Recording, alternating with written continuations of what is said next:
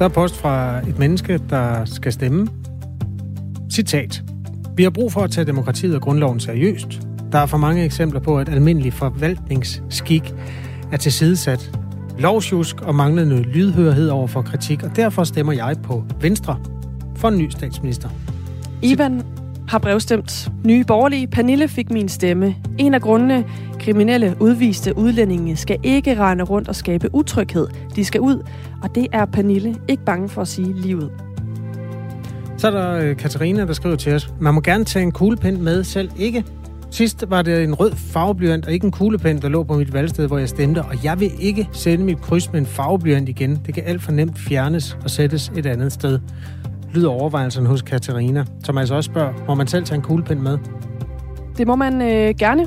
Man øh, skal bare sørge for, at det er en almindelig kuglepen. Og som siger, hvad er det? det, det er sådan, der må ikke være sådan en, en færge, der glider frem og tilbage inden jo, det tror jeg godt, der må, hvis man har sådan en flot en.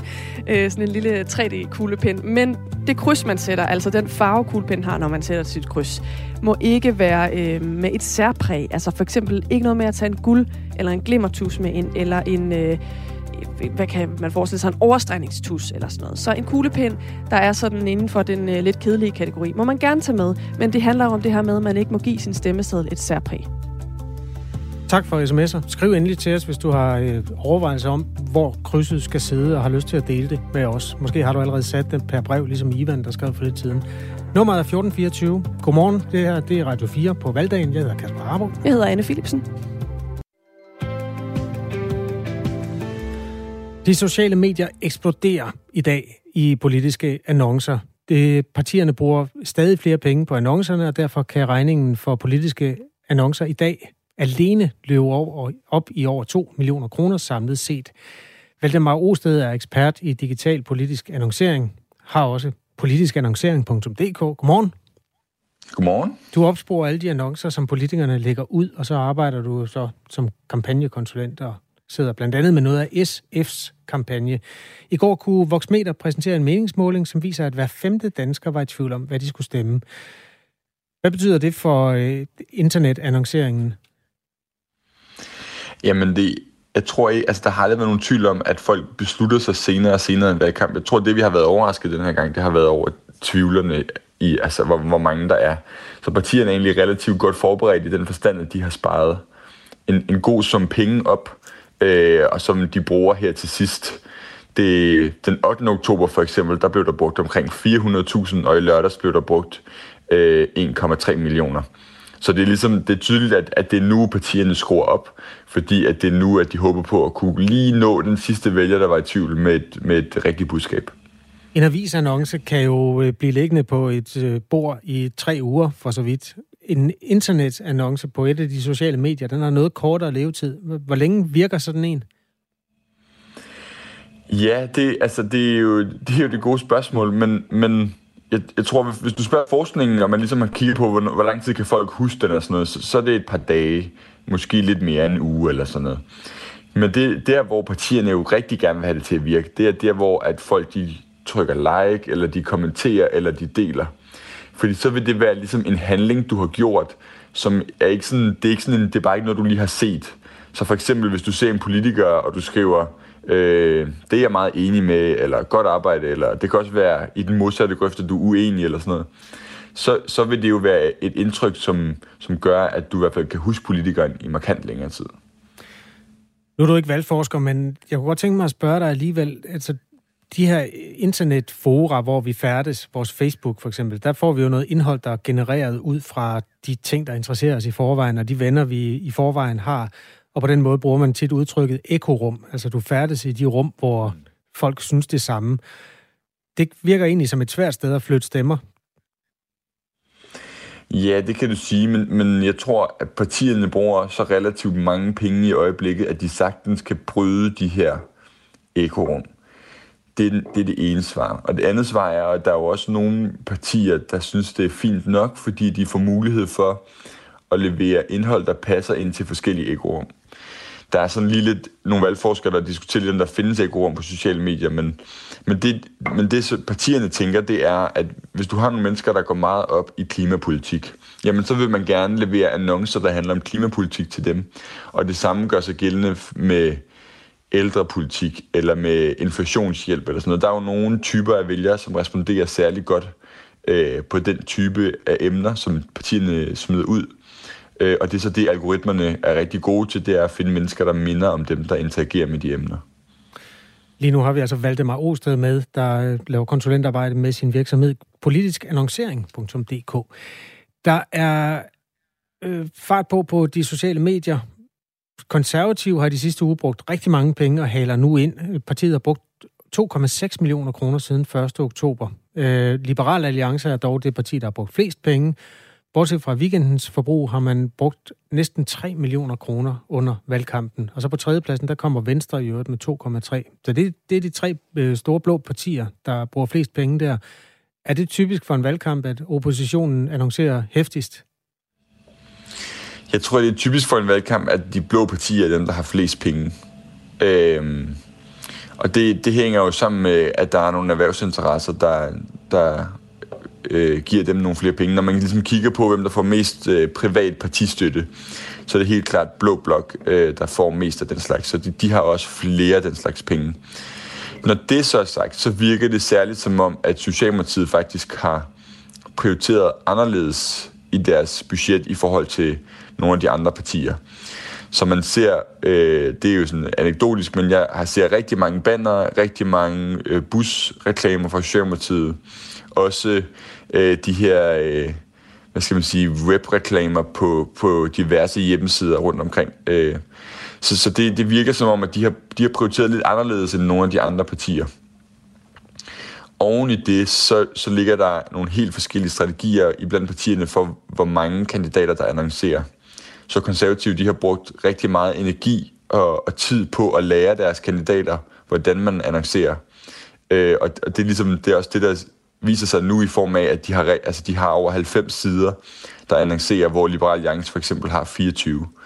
Så det er klart, at, at de, det er også med til at trække det op, at de har flere små kandidater, der bruger små beløb. Så lyder det fra Valdemar Osted. Tak skal du have, ekspert i digital politisk annoncering. På den her dag, hvor det altså står klart, at øh, der bliver brugt 2 millioner kroner bare på det fra de 14 politiske partier, der er opstillet til Folketingsvalget i dag.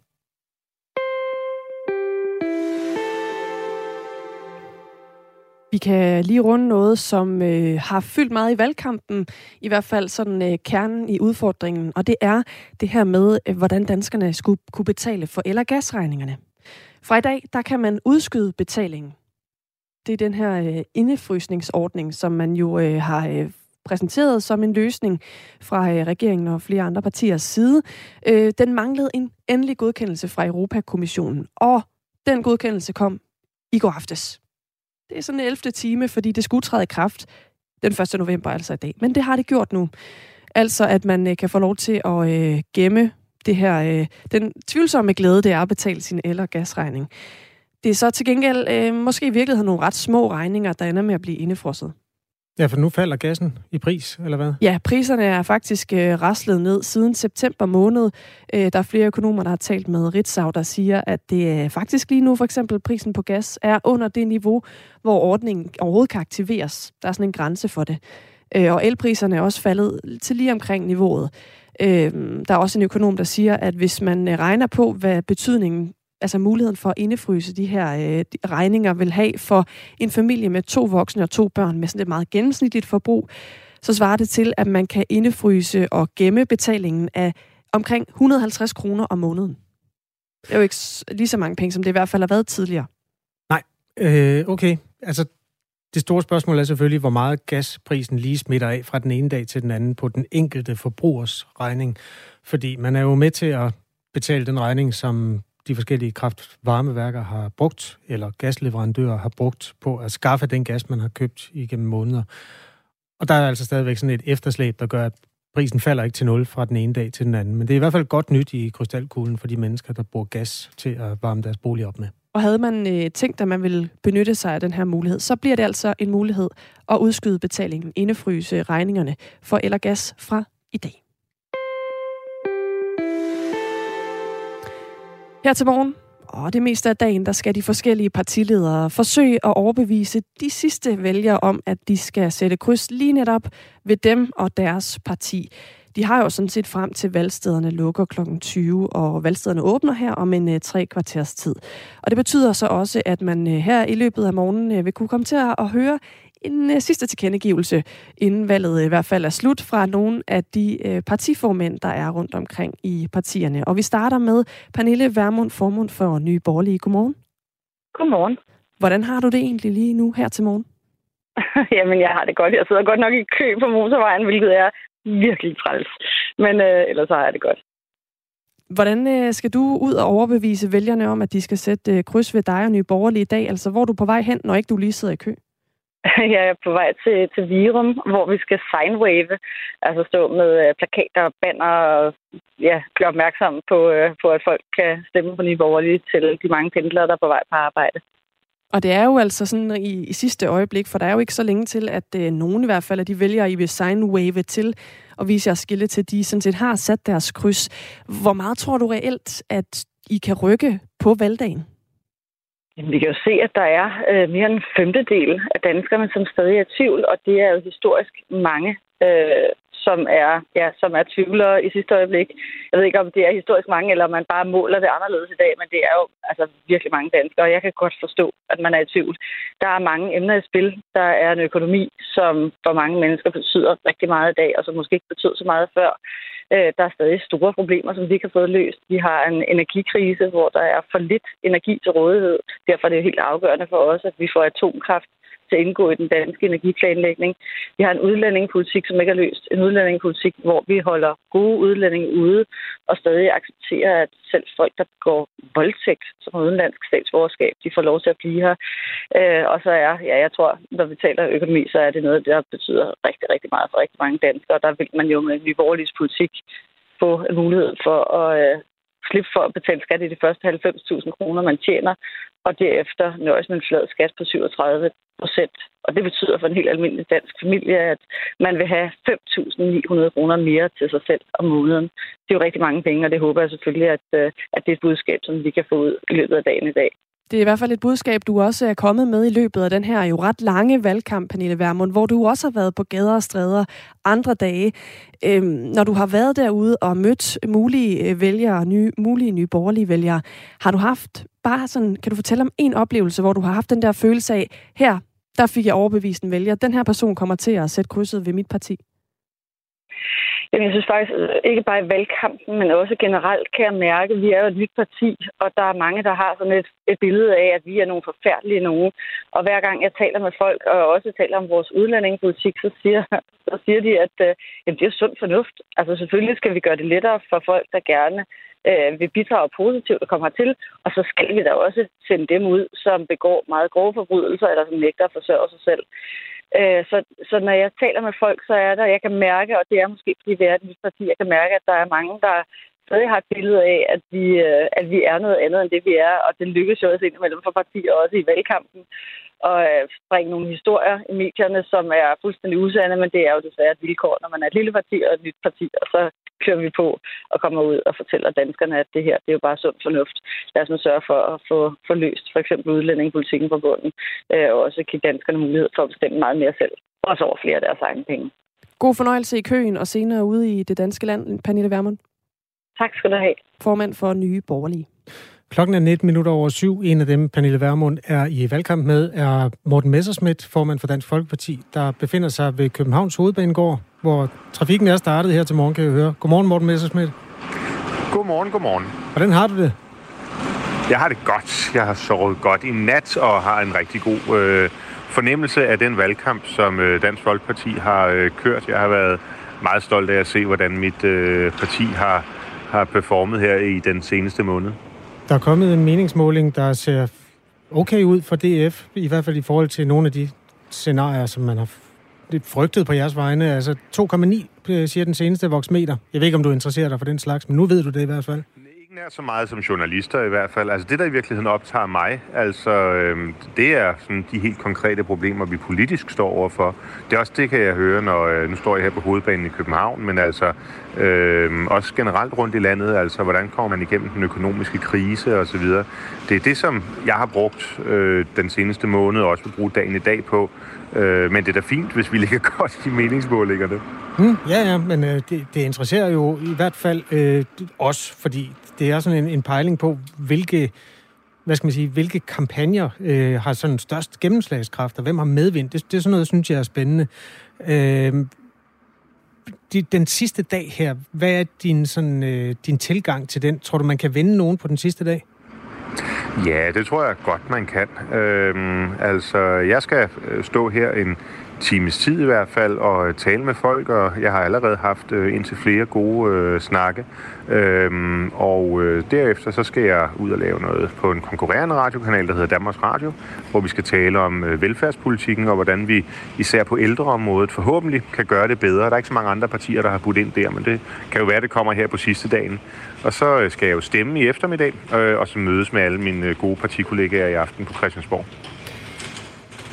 Den her følelse af at stå over for et menneske, der er i tvivl, at du, har du prøvet den oplevelse, at du har vundet et hjerte? Altså har du, har du nogensinde sådan haft den helt klare fornemmelse, at det her vandt jeg en stemme ved at, at tale med en, en, øh, en vælger?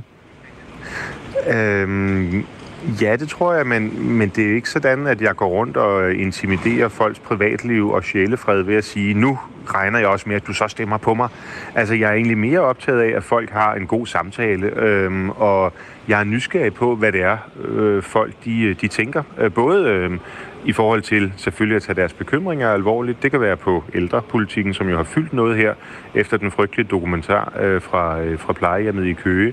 Men også gode idéer. Altså rigtig meget af vores politik, både det vi har fremlagt her i valgkampen, men også generelt, det er faktisk noget, der, øh, der øh, udspringer sig af, at jeg enten får en henvendelse sådan per brev eller mail, eller jeg møder nogle folk, øh, som, som, som siger, her er så et problem, du skal kigge på.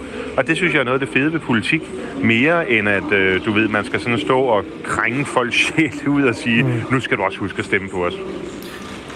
Morten Messersmith, øh, det, nu bliver det måske sådan lidt sportsagtigt interview, men jeg kan, det er fordi, du er jo ny formand for partiet stadigvæk, og når sådan et parti det danser på spærregrænsen, så er jeg bare meget imponeret af, at du slet ikke er sådan optaget af de der målinger, der er. Har du slet ikke været den mindste smule nervøs efterhånden, som prognoserne de er kommet i løbet af valgkampen?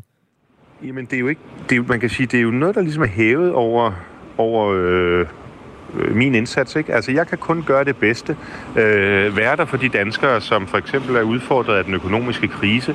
Og så må danskerne jo tage skæbnen i egen hånd. Altså, jeg har en et ret afklaret forhold til den slags. Øh, og øh, jeg hader, hvis politikere lader sig styre af meningsmålinger. Jeg vil lade mig styre af det, som danskerne taler om på gaden. Og det er derfor, jeg har haft det sådan lidt, okay, jeg ved godt, I journalister vil primært tale om meningsmålinger. Nu ligger vi så fint i dem. Der er ikke nogen grund til at tale om spærregrænse. Man kan trykke stemme på Dansk Folkeparti osv. Men, men jeg beder bare om respekt for, at jeg er ikke sat i verden for at tale om meningsmålinger. Jeg er sat i verden for at tage danskernes bekymringer alvorligt. Og det er derfor, jeg er i politik. Det var heller ikke for at øh, sådan intimidere dig på din, på din sjæl. Det er bare, at nogle gange er det rart også at mærke sådan, den følelse, øh, der er lidt, den, det, vi prøver at pumpe lidt nerve ind i det, øh, nu hvor vi venter på, på øh, hvad skal man sige, der er jo 12 timer til vi får resultatet. Men du ved, for mig er det, altså når jeg står over for et menneske, der grådkval fortæller mig, at hun er ved at opsige sin lejlighed, fordi hun ikke kan betale sin elregning, og varmeregning, og ikke aner, hvordan hun skal give sit barn en god jul, fordi de andre partier på Christiansborg ikke vil lave en hjælpepakke nu, så er det det, der påvirker mig. Så er det ikke en eller anden meningsmåling, hvor vi, som du siger, danser på øh, spærregrænsen. Det er det, det virkelige menneske, der står... Nej, nej, men altså, jeg fortæller bare, hvordan jeg oplever politik. At det er det nærvær til nogle danskere, som, øh, som vi alle sammen har en forpligtelse overfor, der, der betyder noget for mig. Øh, og det gælder både i valgkamp og i, øh, og i, i hverdagen. Og det er derfor, at, øh, eller ja, det er det, der på en eller anden måde driver mig i, øh, i det politiske. Og, det, og det, det, det er, der er jeg altså relativt upåvirket, om jeg står til 26 procent af stemmerne, det har jeg prøvet. Øh, eller om jeg står noget længere nede, det har jeg jo også prøvet. Det er det at, øh, at opleve danskernes hverdag og komme med nogle løsninger, som gør, at de kan være trygge for fremtiden. Det er det, der driver mig. God dag, Morten Messersmith. Tak fordi du lige havde tid til os. Øh, du lytter til Radio 4 morgen, her hvor klokken er 5 minutter i halv 8 på valgdagen den 1. november. Og vi drøner videre til Dronning Louises bro på Nørrebro i København, hvor Maj Villassen er i gang med at dele kaffe og chokoladeboller ud. Godmorgen. Godmorgen. Godmorgen. Enhedslistens politiske ordfører. Hvordan har du det lige nu? Ja, men jeg har da masser af kriller i maven. Jeg er virkelig spændt på, hvilket valgresultat, der kommer i aften. Det kan jo virkelig øh, blive tæt og øh, blive meget, meget spændende, hvad det er for en regering, der skal være i Danmark i fremtiden. Så jeg har da næverne uden på tøjet, det må jeg godt sige. Ja. Hvad, øh, nu står du her og er i gang med at dele lidt øh, morgenbrød og lidt ud til øh, de københavnske morgen øh, tidlige vælgere, men hvordan vil du egentlig sådan øh, bruge dagen i dag, altså udover at du selvfølgelig står der lige nu, hvad har du så planer? Ja, vi skal lige have de sidste valgmaterialer ud øh, af kontorerne og ud til folk, og så, øh, så skal jeg faktisk ikke så meget andet end jo selv ned og stemme. Det glæder jeg mig utrolig meget til. Det synes jeg altid er en meget stor ting, men, øh, men derudover jo gå lidt rundt om mig selv og vente. Nu er der jo ikke så meget andet, man kan gøre. Og så, øh, så skal jeg også forberede mig på i aften. Der skal jo, jeg skal holde en tale senere, og vi holder stor fest i Amager Bio. Øh, så, øh, så det er jo sådan, noget, sådan nogle forberedelser. Men på en eller anden måde, øh, den dag, hvor hele befolkningen har, tra- har, øh, har travlt med at få stemt, det er der, vi faktisk øh, læner os lidt mere tilbage og lader valg, valghandlingen ske. Så det er meget spændende. Bortset fra jo, at du så skal gå rundt med den her kriller i maven, som du sagde lige før. Hvad er du egentlig sådan mest nervøs for ved øh, det valgresultat, der lander senere i dag? Jamen, jeg er da øh, enormt bange for, at vi får en, en regering med højrefløjen, en regering, som jeg mener vil sænke klimahandlingen, som vi har så voldsomt brug for, som jeg er bange for, vil øh, skære ned i vores velfærdssamfund, lave en endnu mere inhuman udlændingepolitik, og ikke hjælpe de fattigste, men skabe mere ulighed i samfundet. Så det er jo alt det, øh, som jeg har kæmpet for, al den tid, jeg har arbejdet med politik, som jeg, øh, jeg er bange for, nu bliver sat over styr i aften, så nu er nerverne uden på tøjet. Det kan følelserne også godt komme i aften. Nu må vi se, hvordan det lander. Men det er jo også dit første folketingsvalg som politisk leder for øh, partiet. Altså, er du slet ikke nervøs for, hvordan enhedslisten klarer sig? Det er jeg selvfølgelig også rigtig optaget af, selvfølgelig. Men øh, det, der er mest afgørende for os i enhedslisten, er selvfølgelig de resultater, vi kan få, og om vi kan være med til at rykke Danmark i en rødere og grønnere retning, skabe mere retfærdighed i vores samfund, og, og det er helt klart det, øh, der betyder meget for mig. Man kan jo godt få et kanon godt valgresultat, men ende uden for indflydelse, og det er, jo, øh, det er jo fedt på den ene side, men også lidt deprimerende på den anden, så, øh, så, så der er flere ting, der, der er på spil for, for os i aften, det er der. Hvad skal der til for, at du vil sige, at valget for enhedslisten har været en succes, altså hvis vi sådan skal tale resultater for partiet, som jo netop er det parti, som du har stået som leder for, for i den her valgkamp for første gang? Uh, det, det synes jeg egentlig er svært. Man vil jo gerne have et rigtig godt valgresultat, og jeg vil gerne have rigtig mange af vores fantastiske kandidater ind. Men det er klart, at jeg vil jo også være så enormt optaget af at kigge på, øh, hvad kommer der til at ske i dag? Altså bliver det Lars Lykke, der er kongemager, fordi så kommer jeg da øh, til at være sikker på, at han vælger højrefløjen og ikke den klimahandling og den styrkelse af velfærden, vi har behov for. Så det er da det, jeg kommer til at byde allermest negle over i aften. God valgdag til dig, Maja Villersen, enhedslistens politiske ordfører. Og vi fortsætter den her lille rundtur blandt partilederne. Vi skal tale med Danmarksdemokraternes formand og øh, Fri Grønnes politiske leder om en øh, lille times tid. Der er kommet en voksmeter-måling her til morgen. Jeg refererede kort til den, da jeg talte med Morten Messerschmidt for øh, fem minutter siden. Den viser, at det er spændende.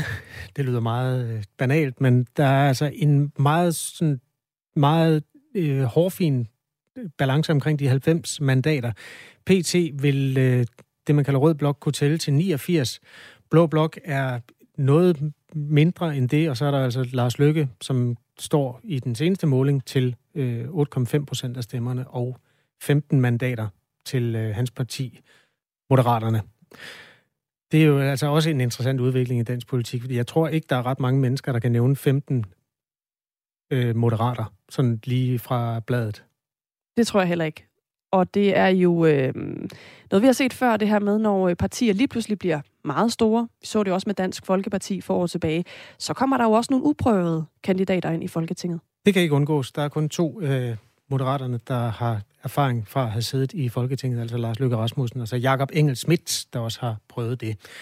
Godt. Øh, valget åbner som valghandling betragtet om en halv time, og vi bager op, og vi følger de seneste tendenser, og vi taler med partiledere, der er i valgkamp.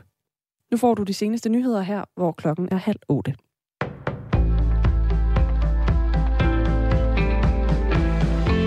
Valgstederne åbner om en halv time, og når de lukker igen 12 timer senere, så vil der være et helt særligt fokus på, om der er flest stemmer i rød eller blå blok. Men hvis det bliver et rødt flertal, når stemmerne de er talt op, så vil statsminister Mette Frederiksen fortsat gå efter at danne en bred regering over midten. Det slog hun fast i går i den sidste partilederdebat på TV2 inden valget. Sofie, jeg ved ikke, Sofie Levering har mere, skulle jeg huske at sige. Jeg ved ikke, hvordan mandaterne falder ud, men uanset hvordan de gør, så vil det være mit forslag, at vi skal afsøge at lave en bred regering. Det står jeg ved, lyder det fra Mette Frederiksen. På spørgsmålet, om hun også med et rødt flertal vil danne en bred regering, svarer hun ja. Men den tror Moderaternes leder Lars Løkke Rasmussen dog ikke på.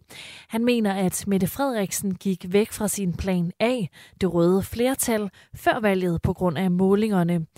Jeg er slet ikke i tvivl om, at hvis der er et rødt flertal i morgen, så rykker Mette Frederiksen tilbage til sin plan A, siger Lars Løkke.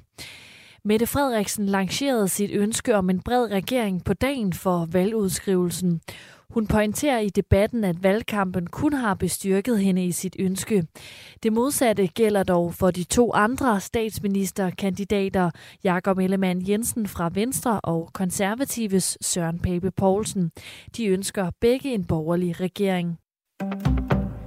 Og Færøerne de giver et mandat til hver blok. Det står klart efter, at alle stemmerne fra gårdsdagens valg er talt op på Færøerne. Begge færøske partier bevarer deres mandater i det danske folketing. Det betyder et mandat til hver blok i Folketinget. De to partier er henholdsvis søsterparti til Venstre og Socialdemokratiet. Færingerne gik allerede i øh, går til valgurnerne for at vælge de to færøske repræsentanter, fordi den 1. november er sørgedag, hvor man mindes dem, som er døde til søs. Omkring 1.000 mennesker vil blive retsforfulgt ved offentlige retssager ved iranske domstole efter uro i hovedstaden Teheran, det skriver flere iranske medier ifølge AP. Det sker efter, at protester har været afholdt i landet i ugevis. Protesterne begyndte efter, at den unge kvinde Masa Amani døde i iransk politis varetægt. Masa Amani blev tilbageholdt af det religiøse sædelighedspoliti i Teheran, formentlig fordi hendes hovedtørklæde dækkede for lidt af hendes hår. Hun døde et par dage efter. Og den øverste dommer i Teheran melder ifølge mediet Tasnim, at ca. 1.000 mennesker skal for retten for at have udført sabotagehandlinger under begivenheder for nylig. Og bookmakerne hælder til, at vi kommer til at få en regering hen over midten hos Danske Spilsborg, men en regering mellem Socialdemokratiet og Moderaterne som det mest realistiske. Men det er Kasper Dahl, der er politisk redaktør ved Avisen Danmark, altså ikke helt enig i. Det virker til, at bookmakerne har famlet lidt i blinde, alt efter hvilke politiske vinde, der har blæst den pågældende dag. Det kan jo godt blive deres favorit med Socialdemokratiet og Moderaterne. Jeg har bare svært ved at se, hvem der skal være parlamentarisk grundlag, siger han. Hvis man spiller 100 kroner på den konstellation, og det ender med at holde stik, så får man 300 kroner tilbage. Nu er det helt slut med at bruge NemID, når vi skal lukke på vores netbank. Fra i dag så kan du nemlig kun bruge MitID til det, og det afskærer en del brugere, som ikke har fået det nye system sat op. Ifølge tal fra Finans Danmark, som er bankernes organisation, så mister omkring 25.000 borgere uden MitID i dag adgangen til deres netbank. Skydevejr og stedvis disset eller tåget, og efterhånden regn, men i eftermiddag lidt opklaring dog med byer og temperaturer mellem 12 og 15 grader.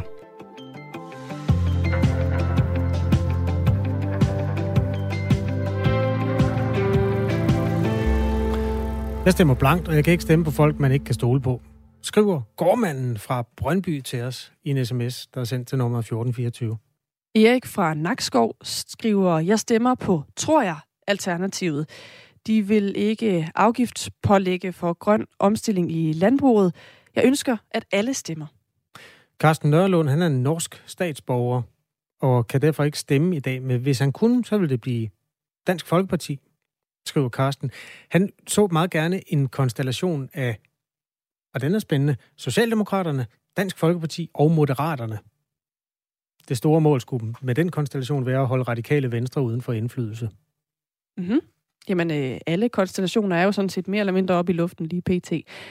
Alexander fra Silkeborg har øh, lidt af en sådan øh, traditionsrig dag foran sig. Han skriver, vi går som familie ned og stemmer klokken 8, så følger vi den ældste i børnehave, valgflæsk er købt til i aften, og så håber vi på en ny regering. God valgdag til alle danskere.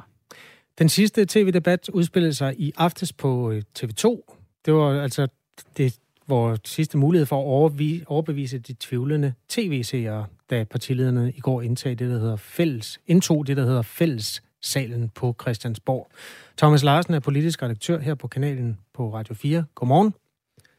Godmorgen. Hvad lagde du mest mærke til ved den her afsluttende debat?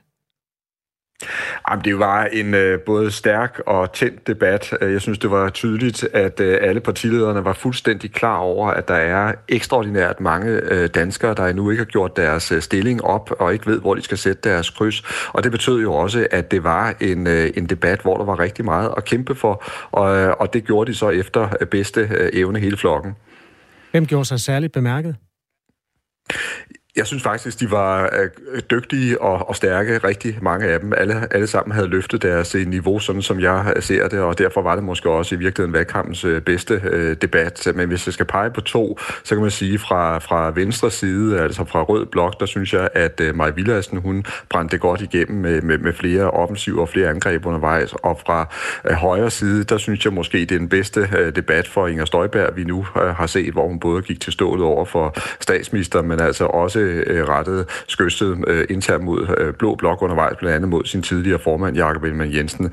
Men det, der vel måske også var ret tydeligt, det var, at når det kom til stykket, så var den store, det store fokus jo på statsminister Mette Frederiksen, og så også på øh, Moderaternes øh, Lars Løkke Rasmussen. Og det er måske også ret naturligt, fordi det, der vel står tilbage efter den her valgkamp, det er, at det er i høj grad de to, der kan gå hen og blive hovedpersonerne i aften. Det er måske ikke så meget, ikke så overraskende, at Mette Frederiksen har den position, hun har som regeringschef. Men valgkampen er jo simpelthen blevet rammen om et ufatteligt gennembrud for Lars Løkke Rasmussen, som kan komme til at sidde med de afgørende stemmer i aften. Debatten om øh, det her mulige asylmodtagecenter i det afrikanske land Rwanda deler stadig øh, lejrene, i hvert fald i den røde side af Folketinget. Maj Villersen fra Enhedslisten sagde sådan her på TV2 i går. Det må jeg bare sige direkte til Mette Frederiksen. Jeg forstår simpelthen ikke, hvad I har gang i. Jeg forstår ikke, at I vil lave et asylsamarbejde med et diktatur. Jeg synes, det er inhumant, jeg synes, det er umenneskeligt, og jeg må godt nok sige, at jeg synes, den socialdemokratiske udlændingepolitik er trukket voldsomt til højre. Hvorfor tror du, udlændingedebatten kom til at fylde så meget, som den gjorde i går, Thomas Larsen? Det var i hvert fald interessant, at den gjorde det, fordi det er ikke en debat, der har fyldt ret meget her i løbet af, af valgkampen, men altså det er jo stadigvæk et tema, der fylder rigtig meget for mange vælgere, og også er et vigtigt tema for partierne. Og vi fik jo i hvert fald illustreret to ting meget tydeligt. Altså i hele Rød Blok stort set, der er der en enorm skepsis og modstand mod regeringens planer om at lave det her center i Rwanda.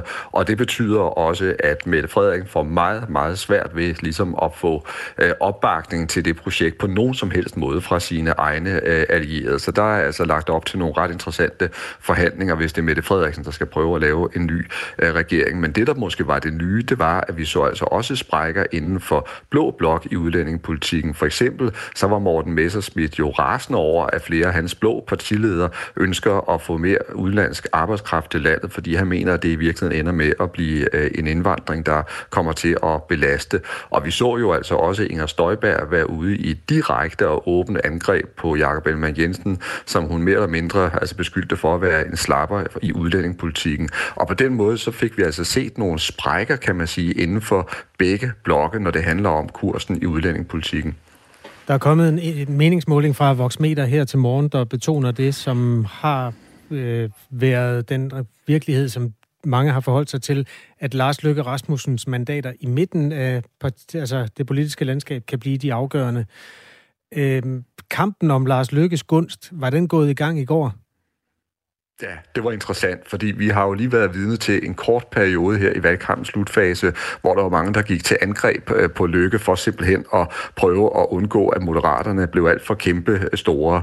Øh, og i den sidste debat, der synes jeg mere, at man så, at der var flere af de øvrige politiske ledere, der sådan begyndte at, at gøre sig til over for Lars Løkke Rasmussen og prøve at bringe sig i en position, hvor de kan samarbejde med ham. Og det gør de jo selvfølgelig, fordi de ved, at han kan blive så afgørende i aften her på valgaften. Og igen, vi så en Jakob Elmer Jensen, der direkte rakte hånden ud til Løkke og sagde, kom nu hjem, ikke? Der er jo rigtig meget, der samler os to, Lars, lad os nu øh, samarbejde. Så det var jo simpelthen en, en appel fra Ellemanns side til, at øh, de to skal arbejde sammen. Og det er jo også en erkendelse af, at hvis Blå Blok ikke får Lars Løkke Rasmussen med, så har de faktisk ikke en chance for at få regeringsmagten. Ikke, hvis man skal tro de meningsmålinger, der kommer for tiden. I går pegede, eller det her til morgen peger den altså på 89 øh, kan rød blok tælle til, hvis øh, den ellers står til trone med alle de usikkerheder, der følger med. Og så er der jo altså nogle øh, Lars Lykke-mandater, der bliver afgørende der i midten. Blå blok er noget mindre og ser ikke ud til at kunne mønstre et flertal. Thomas Larsen, vores lytter Mariemme, hun kunne godt tænke sig at høre, hvis nu at Rød Blok formår at få flyttet et enkelt mandat, og dermed når op på 90 på egne vegne, hvad vil det så egentlig betyde for moderaterne? Ja, det betyder jo så lige pludselig, at øh, Lars Løkke Rasmussen så ikke har den her helt afgørende placering, hvor det er ham, der kan komme til at spille en, en hovedrolle. Og derfor tror jeg også, at det største drama i løbet af aftenen, det bliver jo lige præcis at se, om Mette Frederiksen, hun kan nå op sammen med Rød Blok på at have altså de her berømte 90 mandater, eller om det bliver Lars Løkke Rasmussen, der lige præcis sådan får knæbet sig ind som kongemageren, hvad langt de fleste meningsmålinger jo lægger op til. Jeg tror, det er her, at det store drama ligger, men der kom jo altså så den klare besked fra Mette Frederiksen i går, at selv hvis hun har et rødt flertal, øh, og kan man sige, kan gå rødt, så vil hun altså forsøge at leve op til sit øh, løfte her fra valgkampen om at prøve at danne en bred regering. Så der kommer i hvert fald nogle runder, hvor de forskellige politiske partier skal se, om der kan dannes en regering hen over midten. Og det interessante er, at det spil, det er altså så åbent, og det er så broet, så der er ingen, der tør forudse, hvad der kommer til at ske. Den giver jo også indtryk af, den sidste debat her, at øh, det røde samarbejde er mere hårdt prøvet end nogensinde før. Du har jo fulgt mange valgkampe, Thomas. Altså, når man nu diskuterer det der Rwanda så ultimativt, altså det er jo som om enhedslisten siger, at det er et ultimativt krav. Radikale har også været mere eller mindre ultimative omkring, at de vil slet ikke øh, være med, øh, hvis, det er, øh, altså hvis man etablerer det der asylmodtagelsescenter. Har du oplevet noget lignende i din, øh, i din tid?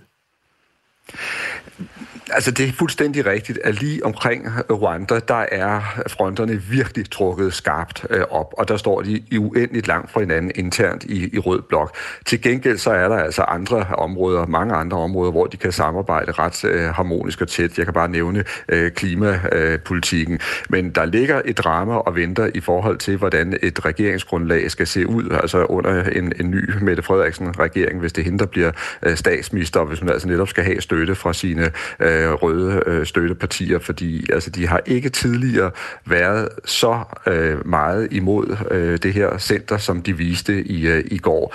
Men sagen er jo, at på begge sider, Kasper, bliver det, bliver det svært, fordi der er også meget store spændinger i, øh, i Blå Blok, og øh, Lars Løkke Rasmussen, hvis han skal være med til at danne en, en blå regering, så har han jo gjort et stort nummer ud af, at, øh, hvad skal man sige, at, at højrefløjen skal holdes uden for indflydelse, og det vil sige Dansk Folkeparti, Nye Borgerlige og Inger Støjberg fra Danmarksdemokraterne. Og det tror jeg ikke, de har tænkt sig at finde sig i. Uanset om man kan lide polemik eller ej, så kan man godt regne med, at det fortsætter også efter kl. 20 i aften, hvor valgstederne lukker. De åbner om 17 minutter. Øh, Thomas Larsen er politisk redaktør her på Radio 4 og hjælper os med at anmelde den sidste tv-debat, der udspillede sig på TV2 i aftes. Klokken er 7.43. Overskud på Radio 4 med Sofie Østergaard hjælper dig med at få mest muligt ud af dine penge. Så er det her tidspunkt måske også lige præcis her, hvor vi så lige skal gå igennem vores forsikringer, vores lån. Kom i gang med at investere i aktier eller få gode råd til, hvordan du lægger dine lån om. Altså prøv lige at gøre det, og så prøv lige at se, hvor mange penge man rent faktisk skal spare. Find Overskud som podcast i vores app og lyt med tirsdag kl. 13. Radio 4 taler med Danmark. De blå bruger flere penge på at annoncere politisk på øh, de sociale medier, end de røde gør. Øh, det var et af de fakta, vi belyste tidligere på morgenen med hjælp fra en ekspert i digital politisk markedsføring. Der er en lytter, der gør opmærksom på, husk, at de røde har stedfortræder annoncer fra fagbevægelsen, altså HK og 3F og FOA med videre. De annoncerer massivt imod de blå. En fin lille jagttagelse, som er kommet ind på nummeret 1424, om den krig, om opmærksomheden og sympatien, som i øjeblikket udspiller sig på de sociale medier. Bare i dag er der annoncer for 2 millioner kroner, så hop på Facebook, hvis du vil se dem. Vi får også sms'er ind fra øh, nogle af dem, der har besluttet sig for, hvor de vil øh, sætte deres kryds i dag. Esper skriver, Jakob Ellemann er den mest troværdige formand. Han bliver bedre og bedre under yderst vanskelige betingelser. Rasmus Kaiser går ind for Liberal Alliance og stemmer på Henrik Dahl. Der skal være en voksen til stede, lyder synspunktet hos vores lytter, Rasmus Kaiser. Men der er jo altså også en del, der stadig er i tvivl om, hvor man vil øh, sætte det her famøse kryds. Og en af dem skal vi tale med nu. Helle Gjerro, godmorgen. Godmorgen. Sygeplejerske og har faktisk lige fået fri fra en nattevagt, så det er dejligt, at vi må forstyrre dig her på den øh, sidste tid af dit øh, døgn. Jeg ved, du er på vej til dit stemmested netop nu her, og der er jo et kvarters tid til, at øh, de åbner rundt omkring i landet, men du har været i tvivl gennem hele valgkampen på, hvor du skulle øh, stemme, eller hvem du skulle stemme på. Er du stadig i tvivl? Øh, jeg har været nødt til, eller noget af min travle nattevagt i min pause, der har jeg brugt tiden til at, at læse endnu mere, og jeg så jo også den debatudsendelse, der var i går aften. Øhm, så jeg har besluttet mig til, at, øh, at jeg stemmer socialdemokratisk, og det gør jeg faktisk allermest, fordi jeg vil ikke have en blå regering. Men så var der jo øh, også nogle andre partier, man kunne stemme på, hvis det var det, der var hovedformålet. Så hvad er det, der gør, at ja. det bliver Socialdemokratiet? Ja, men det, det er alligevel, at jeg, jeg har en stor respekt på, på mange fronter for øh, Mette Frederiksen. Øh, jeg har blandt andet en meget stor respekt for den måde, hun håndterede hele coronakrisen øh, øh, på. Øh, men det er første gang, at jeg nok er så i tvivl om, hvor jeg faktisk skal sætte mit kryds Har du også respekt for den måde, regeringen håndterede sygeplejerskekonflikten på, nu hvor du selv er sygeplejerske? Nej, det, har, det er altså en af mine meget store anker, øh, og jeg må sige, at jeg har rystet øh, rigtig, rigtig mange sygeplejersker dybt, øh, inklusiv mig selv, øh, at regeringen tillod sig at bryde ind i sygeplejerskernes lovlige strække. Øh, og der er ingen tvivl om, at det satte skub i endnu mere, øh, at sygeplejersker for, for, øh, forlader faget. Det er det, mine unge kollegaer taler om. De taler om honninghjertet, og de taler om, at regeringen greb ind. Øh, så der er ingen tvivl om, at det... Øh, er jeg ikke kommet mig over. Det er der rigtig mange af mine kollegaer, der heller ikke er kommet sig over. Og det her honninghjerte, det er jo det, som blev givet som øh, tak efter en ja. lang coronaperiode, hvis man lige skulle have glemt øh, den, øh, det, den historie. Det var det. Øh, Helle Gjerg, altså øh, et øh, sted lige nu i hvert fald, hvor du tænker, at det bliver Socialdemokratiet, der får din stemme. Du sagde før, at du har brugt noget af natten på også at finde ud af, øh, hvor du stod henne. Hvad, hvad har ligesom øh, gjort det sidste og, og, og afgørende for, at du fandt ud af, hvad du vil stemme på? Altså var det debatten, du så i tv, eller læste du noget? Eller sådan? Hvad, hvor, hvor fik du hjælpen fra? Ja, det var allermest øh, debatten i går aftes. Øhm, og så fik jeg jo mulighed for, fordi jeg har været i nattevagt og øh, havde en pause, hvor jeg kunne øh, oplæse på noget af det, som blev sagt øh, i, øh, under debatten. Øh, blandt andet øh, omkring, jamen, nu omkring det skat, øh, og øh, hvad det egentlig betød, hvis man øh, stemte på de, nogle af de blå partier. Det har været en valgkamp, hvor øh, mange vælgere har været i tvivl. Opinion har haft en måling for nylig, der sagde, at 21 procent af danskerne var i tvivl, eller vælgerne var i tvivl. Og det var faktisk en fordobling i forhold til seneste folketingsvalg i 2019. Altså mange, der har været i tvivl om, hvor man skulle, øh, hvem man skulle stemme på, hvilket parti, der skulle have en stemme. Hvorfor har tvivlen fyldt så meget for dig i den her valgkamp? Jamen, det har den øh, i og med, at øh, at øh, nok særligt for mig øh, omkring sygeplejestrækken, øh, hvor regeringen greb ind, øh, som simpelthen kom til at betyde for mig, at øh, i og med Mette Frederiksen nu står og siger, at hun vil gøre alt muligt ved sundhedsvæsenet, som har en meget stor betydning for mig selv personligt, men også en en meget stor del af vores velfærd i det her samfund. Så det blev meget, meget utroværdigt for mig, øh, hvad regeringen gik ud og gjorde.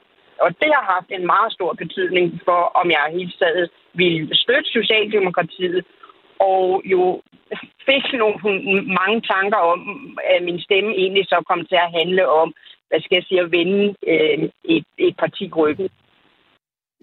Vi øh, holder ikke på dig længere nu, Helle Gjerg, men vi har fået lov til at vende tilbage til dig, når du har været inde og stemme. Og så øh, skal vi selvfølgelig høre, når du har taget beslutningen og lagt øh, sted, sedlen i øh, stemmeurnen, om det så i virkeligheden blev Socialdemokratiet. Det vender vi tilbage til klokken kvart i ni her til morgen. Men tak, fordi du var med her.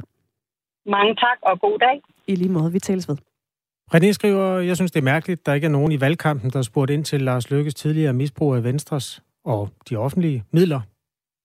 Det må være meget væsentligt, at eksempelvis Lykkefonden ikke længere er eksisterende, skriver René.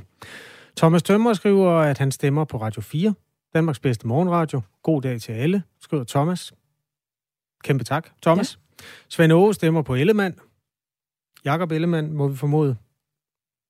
Det er jo det Uffe Ellemanns fødselsdag. Æret være hans minde. Det er rigtigt. Han skulle have været 81 i dag.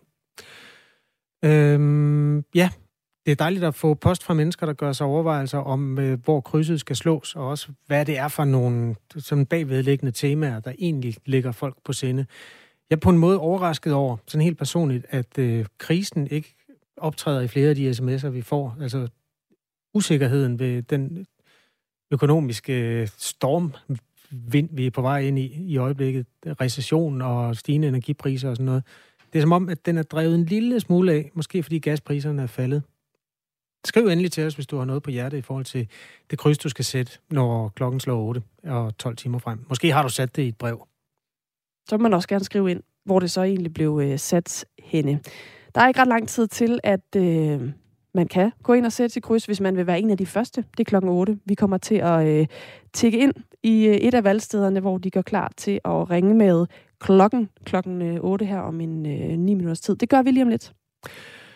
I er, vi kan lige tage nogle af dem, der, øh, der også er interesseret i, hvordan medierne formidler valgkampen. For eksempel Lars fra Hvidovre, han skriver, I er lidt, altså det er så os, der er lidt manipulative i forhold til hvilke spørgsmål, og dermed hvilken type svar I formidler. Pas nu på, at jeres personlige polit- partipolitiske farve ikke skinner for meget igennem. Jeg elsker jeres programmer, men husk nu grænsen, skriver Lars. Og det må du super gerne øh, uddybe, Lars. Mm. Jeg anede ikke, at jeg havde en partifarve. Jeg har stemt i øst og vest hele mit liv, men du jeg må har meget ikke gerne... besluttet mig nu, faktisk. Du er tvivleren? Jeg, jeg er lidt en tvivler. Jeg har nogle fornemmelser, men jeg har i hvert fald på ingen måde, øh, hverken mentalt eller i brev, sat mit kryds endnu. Nej. Godt. Øh, vi gør os umage med det her, fordi det er jo absurd svært at øh, gøre noget neutralt, når vi hele tiden omgås emner, som peger i den ene og den anden retning. Men hvis man sådan sørger for, at der er lige meget af hver, så er der en form for neutralitet i det. Vi gør os i hvert fald umage. Jeg har ingen ønsker om at fremme nogen typer af synspunkter. Det er noget af det, vi i virkeligheden gør os meget umage med i den her radiostation, og har gjort det lige siden vi åbnede. Du kan skrive til os på nummer 1424, hvis du har noget, som du synes, vi skal tage op.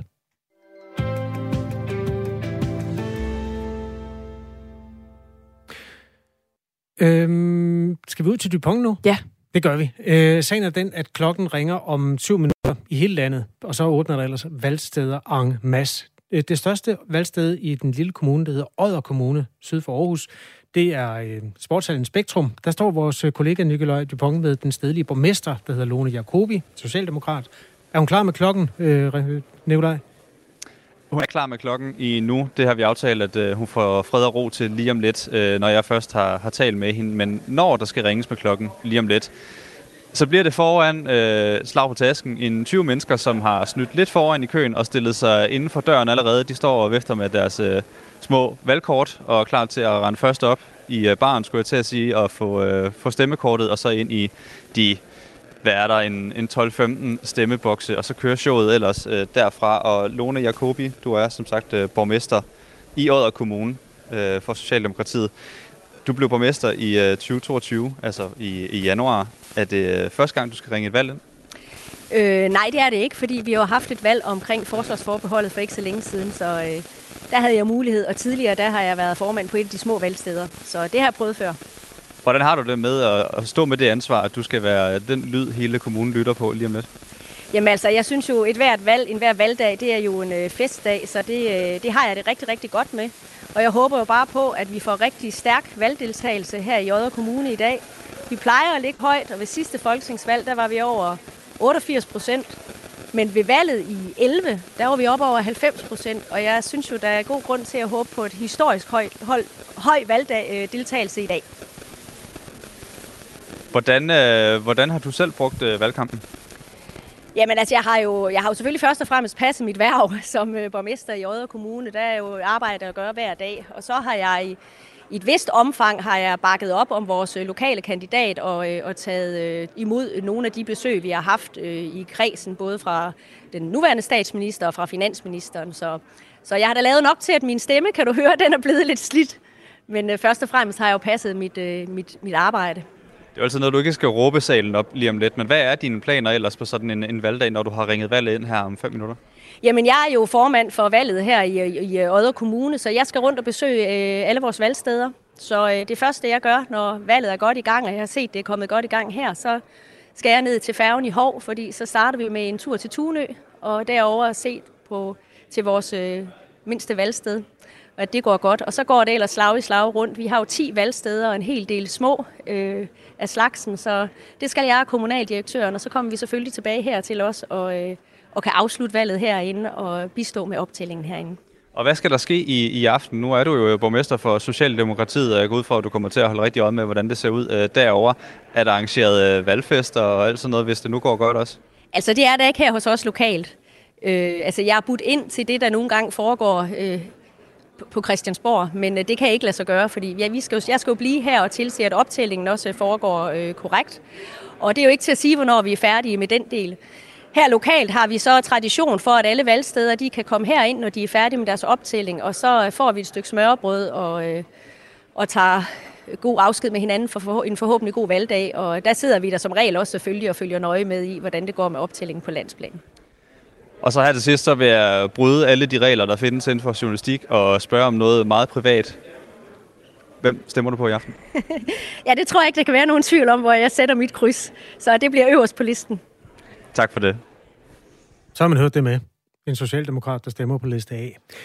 Øhm, vi hører klokken ringe om tre minutter på de kanter der, men vi kan måske lige rydde op i sms'en. Der er dejligt mange sådan, tilkendegivelser fra mennesker, der er optaget af politik den her morgen. Der er blandt andet øh, kommet en reaktion på noget, vi talte om for øh, kort tid siden i virkeligheden. Der står sådan her i sms'en. Lars Lykkes misbrug af offentlige midler. Hvilket misbrug? Det var Venstre, der betalte for Lykkes tøj. Lars Lykke Rasmussen blev nævnt i en sms fra en anden lytter, der gjorde sig overvejelser og ikke havde lyst til at stemme på Moderaterne på grund af det, som vedkommende kaldte misbrug af offentlige midler. Lars Lykke har haft nogle møgssager, og det er jo sådan set ikke, fordi der alle har jo en fortid i politik, det har han også, men der var altså nogle sager i 2008, hvor han blandt andet havde nogle hotelovernatninger, som skatteborgerne havde betalt, øh, selvom den daværende indrigs- og sundhedsminister Lars Løkke Rasmussen var ude øh, sådan på egen hånd. Blandt andet havde han været til en julefrokost og vist også til en koncert med Paul McCartney. Så det var nogle af de sager. Det er jo vand under broen i politik, åbenbart. Det har ikke fyldt noget i valgkampen i hvert fald, men nu er der jo lige ryddet op i den. Øh, partilederne, skriver en anden, partilederne er så branduenige. Diskuteres der blot for at diskutere. De blamer hinanden for, hvorfor ditten og hvorfor datten. Det bliver man så træt af, og det gør mig faktisk mere og mere sikker på mit valg i dag. Nemlig et nyt parti, der satser på samarbejde hen over midten. Tommelfinger op og en øh, emoji, der blinker med det ene øje. Der er faktisk øh, en del sms'er, der er tækket ind her for nylig, der handler, eller i hvert fald kredser om Lars Løkke Rasmussen og partiet Moderaterne. Inger skriver, jeg er rigtig ked af, at Mette Frederiksen er så vild med rævepelsen Lykke. Jeg har stemt på hende tidligere, men nu bliver det SF i afmagt. Øh, Lisbeth skriver, hvis Lars Lykke ikke tror på Mettes øh, udtalelser omkring bredt samarbejde, hvordan kan man så tro på ham og Pape og Ellemann, som går efter en blå regering? Magtfuldkommenhed, mener Lisbeth. Anne Jørgensen stemmer i. Jeg stemmer på Nye Borgerlige. De går ind for kernekraft. Det er sikker og ren energi, og der er meget lidt affald. Møller og solceller giver meget affald, når de skal udskiftes efter cirka 20-25 år. Øhm, ja, det skriver Annie altså ind på nummer 1424. Og med øh, en rundtur i sms'erne, så nærmer vi os jo øh, også, at klokken faktisk bliver 8. Og det er jo vigtigt i dag, fordi det betyder også, at valgstederne åbner. Jeg tænker, om vi lige skal prøve at vende tilbage til Odder Kommune, hvor de jo øh, skal være klar til at ringe med klokken lige om lidt. Nikolaj Dupont, er du stadig med os? Jeg er stadig med. Jeg går lidt og lister i hælene på øh, Lone Jacobi, altså borgmester her i Odder. Hun har taget klokken i hånden og øh, holder den meget stringent og med øh, papirlappen også. Der bliver kigget lidt, som om der skal holdes en kæmpe tale. Jeg kan også mærke, at jeg selv er en lille smule nervøs på vegne af det hele. Og der bliver også spejlet op mod, øh, mod det store halvur, der står 7.59. Og hvor mange sekunder får vi videre der tilbage? Åh, oh, det er spændende. Det er så spændende. Jeg tror simpelthen bare, jeg vil, øh, jeg vil stå og stige op på halvuret. 5 sekunder, så giver jeg ordet videre til øh, den vigtigste klokke i hele kongeriget. Er det nu? Godmorgen alle sammen. Der skal i dag foretages valg til Folketinget. Partiernes og kandidaternes navne, de fremgår opslagene uden for stemmeurnerne herover.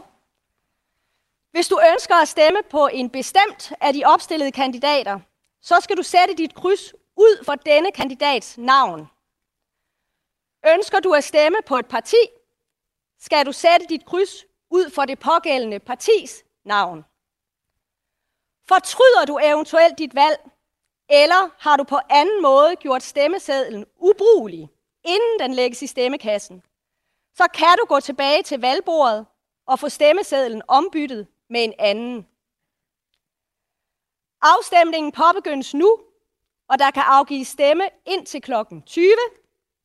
Afstemningen vil blive afsluttet, når der efter klokken 20 ikke melder sig flere vælgere for at stemme. Vælgerne vil ved, vil, vil ved aflevering af valgkort blive afkrydset i valglisten og få udleveret én stemmeseddel. Vælgerne går herefter ind i stemmerummet og afkrydser stemmesedlen, som derefter lægges i en stemmekasse. Jeg skal nu anmode stemmemodtagerne om at vise de tomme stemmekasser.